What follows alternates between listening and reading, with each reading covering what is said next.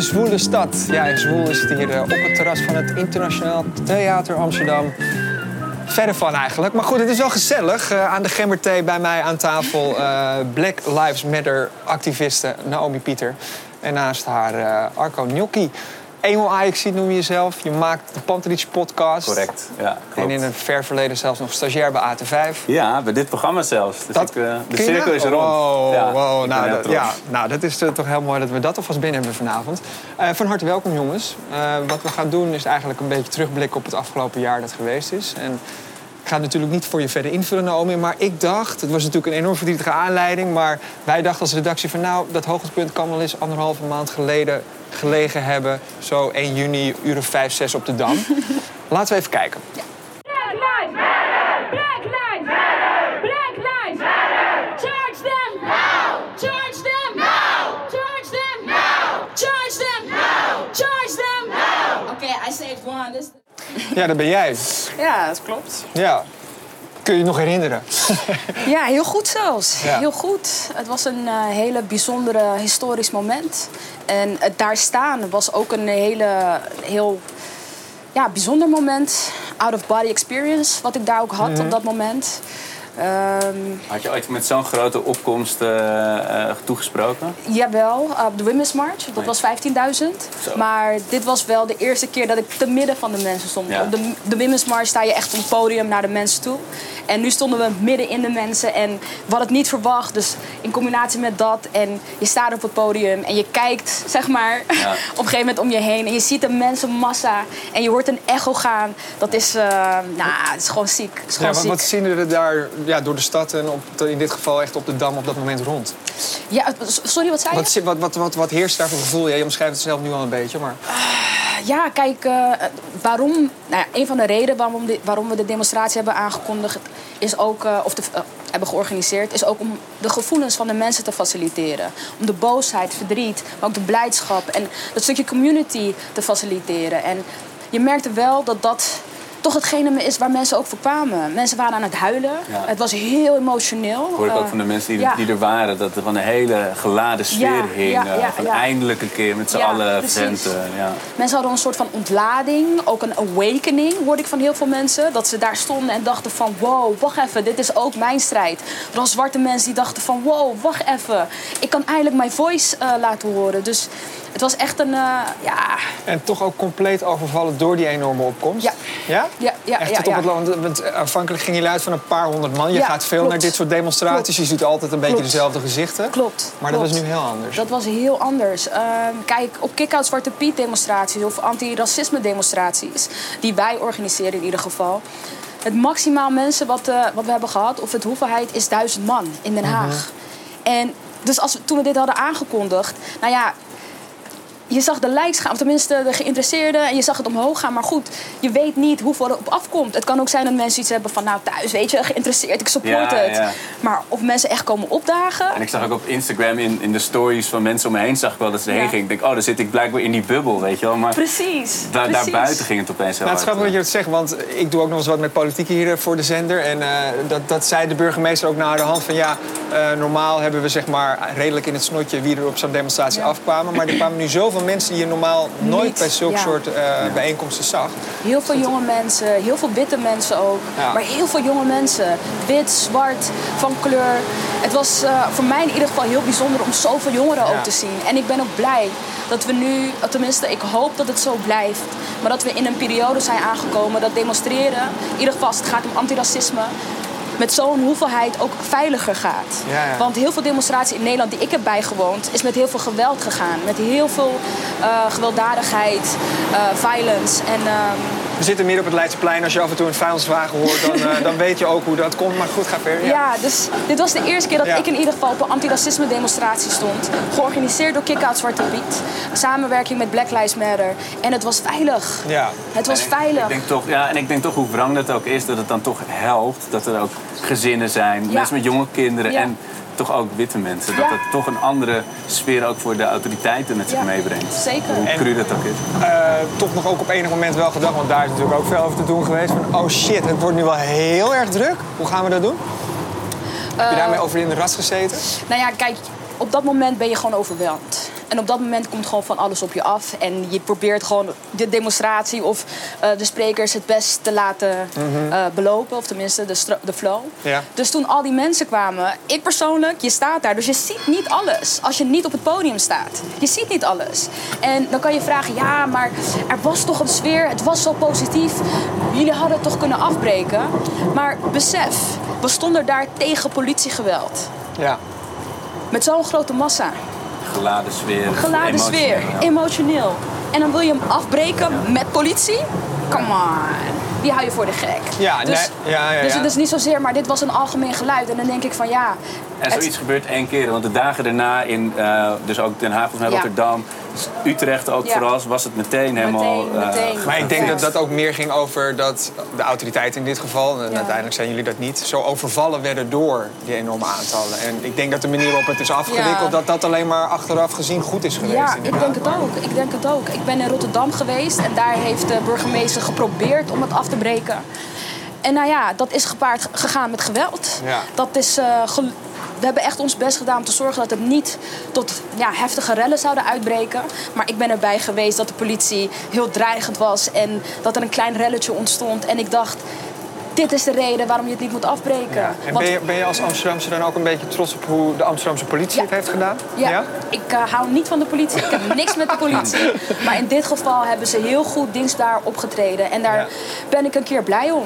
Ja. Een keer. Een keer. En overheerst, en overheerst dan nu, want met eigenlijk vrijwel meteen daarna ging de discussie dus inderdaad over de, de opkomst en, en de anderhalve meter in plaats van de boodschap van Ja. de, van de eh, demonstratie. Overheerst dan daar nu ook nog een, bitterheid over? Ben je of vooral de trots dat je toen dat ik, gedaan hebt? Ik, ik eh, blijf trots. Ik denk wij allemaal. En daarnaast, als je ziet wat er daarna is gebeurd, eh, hoe het is losgebarst in Nederland, denk ik alleen maar dat we trots kunnen zijn dat we daar de aanleiding van Ja. mochten zijn. En ik zeg echt mochten zijn, want ja, we hebben het wel met z'n allen gedaan en ook met de autoriteit op dat moment. Dus ik denk alleen maar dat we in Nederland heel blij moeten zijn om, op, op dat moment. En nou ja, al die shit die daarna kwam.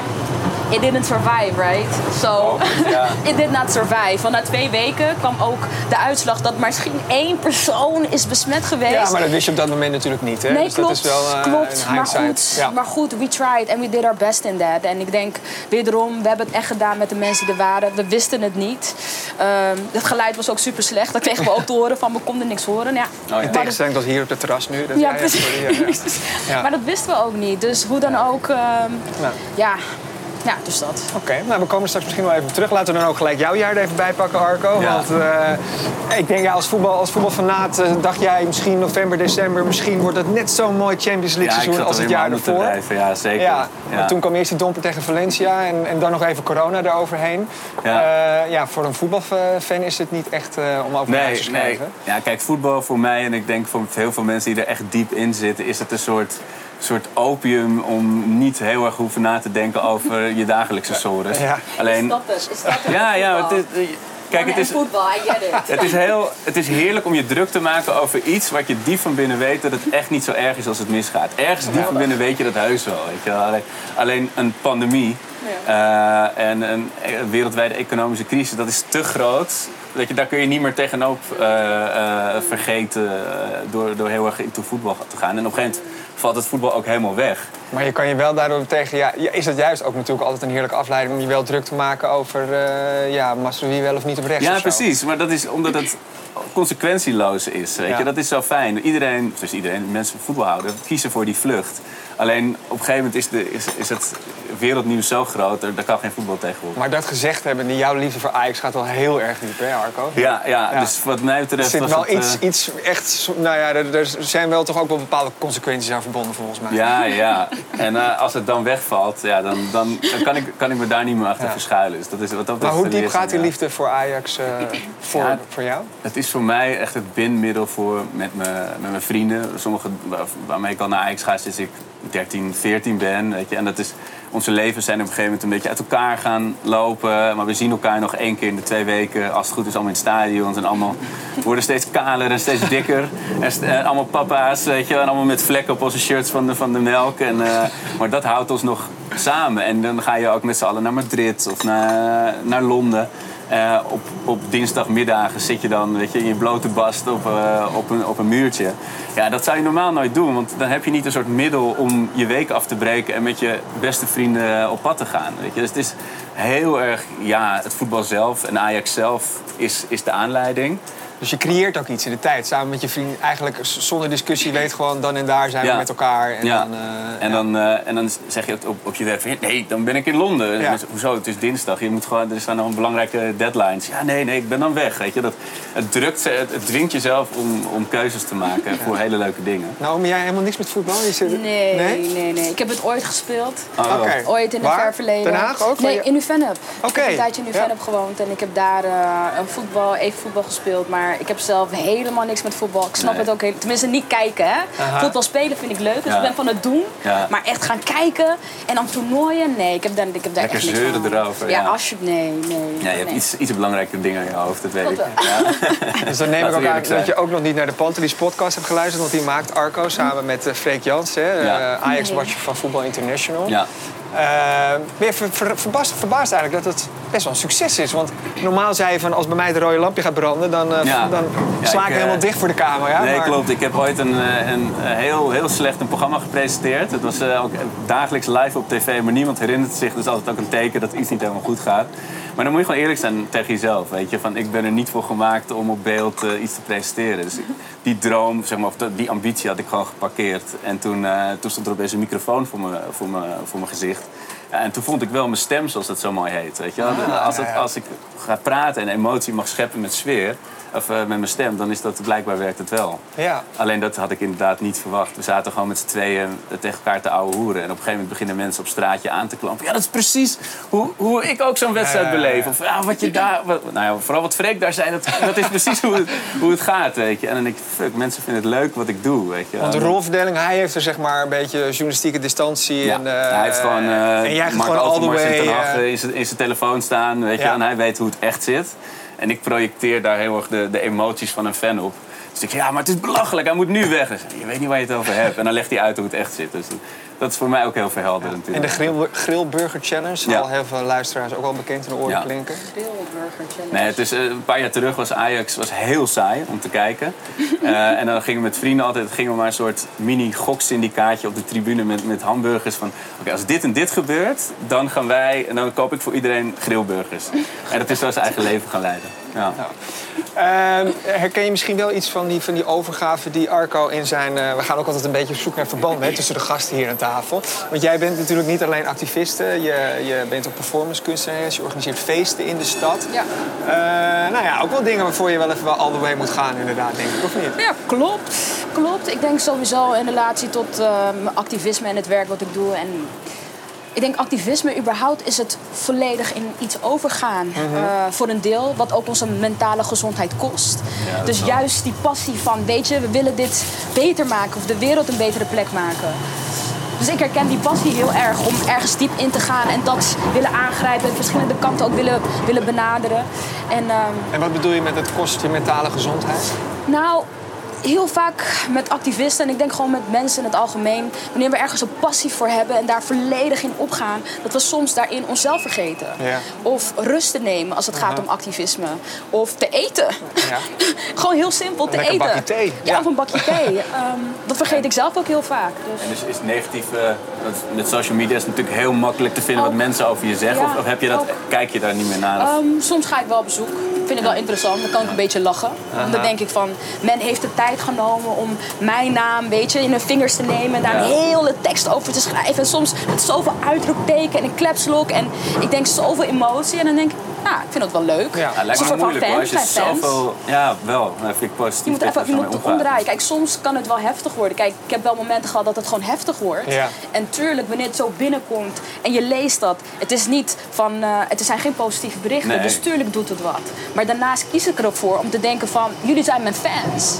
En denk je wel, dank je wel voor deze aandacht. Ja, zo zou ik het ook laden als ik jou was. Maar inderdaad, is het niet toch ook wel... eh, het gaat ook wel hard tegen hard Het gaat- hè, in ja, op ik, dit ik heb, moment in de eh, samenleving. ja, ik heb hele Ja. lelijke dingen naar mijn hoofd toe eh, gekregen. Ook in relatie tot mijn seksualiteit. Ja. Dus het feit dat ik op vrouwen val. D- daar is ook mee op Facebook rondgegaan. En ik ben daarvoor afgeschreven. Wat kan een lesbische vrouw of een queer vrouw nou betekenen voor mij? Of weet je, wat kom jij met je grote mond? Ehm, van K-aap, eh, K-N-woord. Ga terug naar je eigen land. Ik heb eentje gehad van ik hoop dat ze je nek breken. En, en doe, je, doe je daar nog iets? Ja, en bouw je een soort van harnas op dus? Dat, dat is een beetje wat ik... Ja, hier- ik bouw eh, een harnas op, want hoe dan ook ga ik door met mijn werk. Dus het stopt mij niet. En soms denk ik van, oké, verwacht je nu dat ik stop met mijn werk of zo, omdat je dit naar me toestuurt? Dus ik ga wel door. Eh, het wordt steeds minder. Eh, in ieder geval naar mij toe, in relatie tot Kick-Out Zwarte Piet. Het wordt het steeds minder. Zie je daar ook iets veranderen? Dus misschien, of is het gewoon dat mensen het zat zijn dat, ze, dat er niks te halen valt? Misschien? Ook. Of, eh, ja? Ook, eh, je ziet mensen veranderen. Ik denk dat je dat ook wel voelt in de samenleving. Je ziet mensen veranderen. Eh, dus dat speelt ook een rol. Ik denk dat de harde racisten, om het zo te noemen, echt overblijven. Dus de mensen die echt gewoon een probleem hebben omdat je zwart bent. En de mensen die het eigenlijk niet zo goed weten. En denken, de knoop in je buik. Die niks zeggen als er een grapje wordt Precies. gemaakt. Ja, Daar komt langzamerhand, die worden steeds die worden wakker. Dus ik voel dat de, juist de harde en de echte racisten, om het zo te noemen, eh, overblijven. En dat er begint langzaam verandering te komen. En, dan, en eh, aangifte als je inderdaad iemand je, je, je nek breekt? Ja, ja. Ik zou dat meer moeten doen.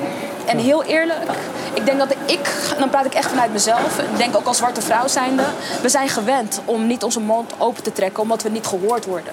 Dus die gewenning van mensen luisteren toch niet, zorgt ervoor dat ik denk van laat maar. En ehm, ik zou willen dat ik naar een gevoel kan shiften of naar een plek toe kan gaan dat ik het gevoel heb dat mensen wel naar me zullen luisteren. Daar ben ik nog niet.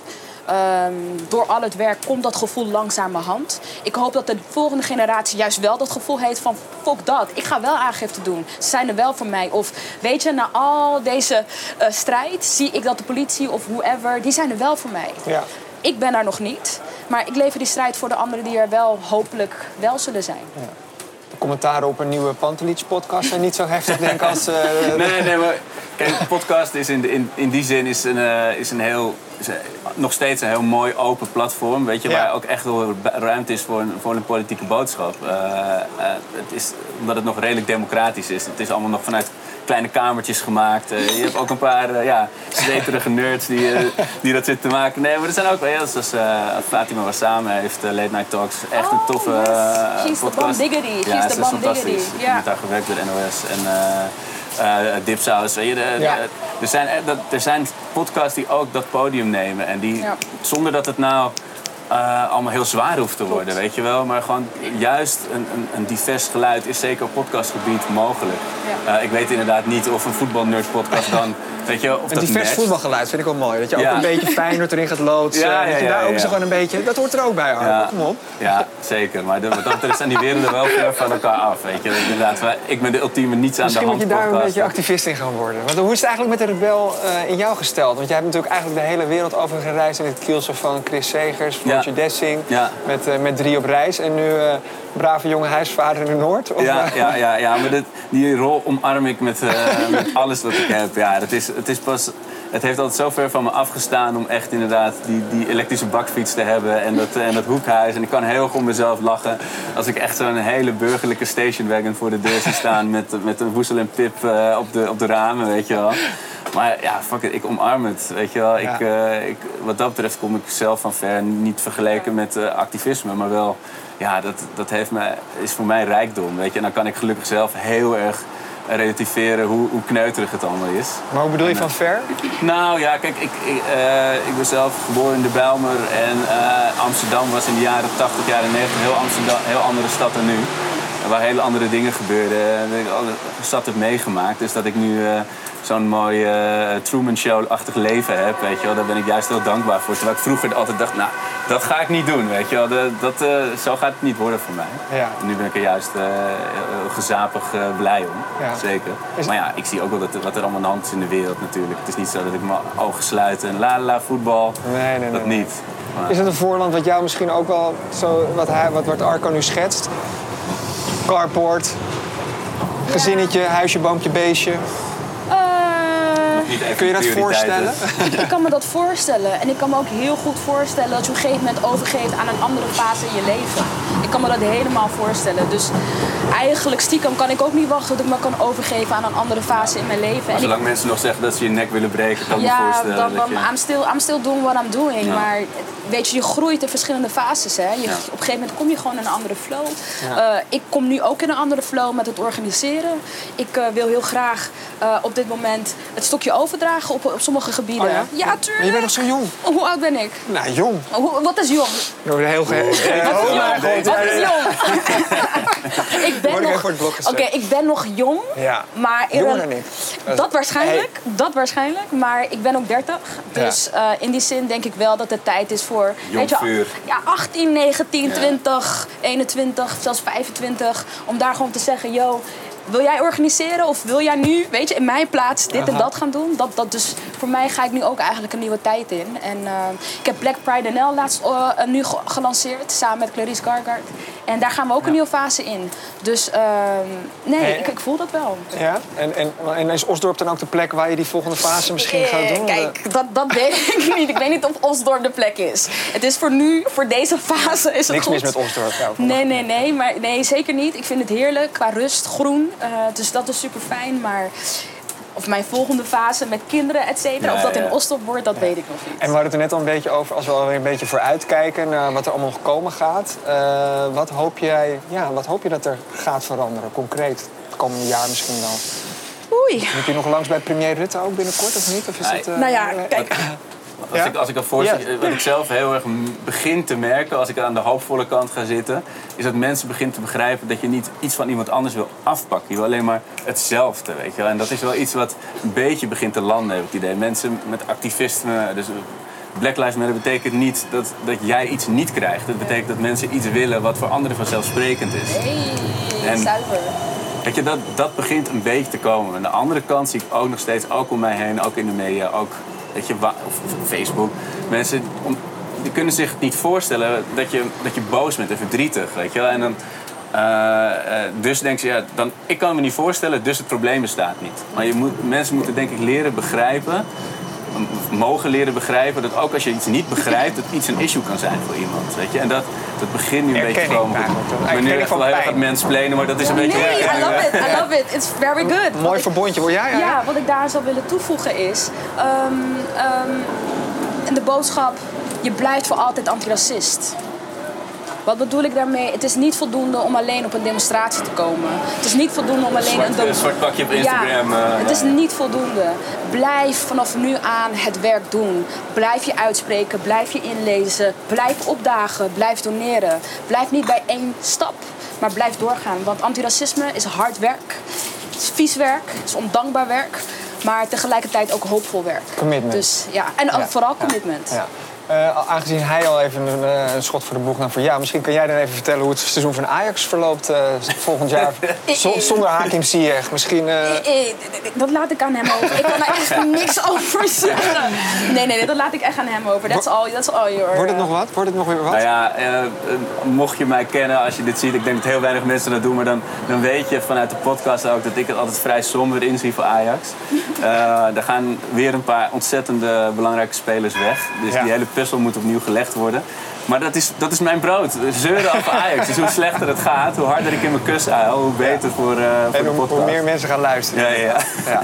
Eh, ik wil jullie ontzettend danken voor jullie eh, komst naar eh, ja, onze zwoele stad. En, eh, Dank je deze. Ja, de, Jägermeister staan al klaar. Volgens mij, je had er al een besteld, dus die, die, ja, die komt eraan. Ik hoor het al. Eh, dank jullie wel voor jullie komst en eh, een mooie zomer. Yes.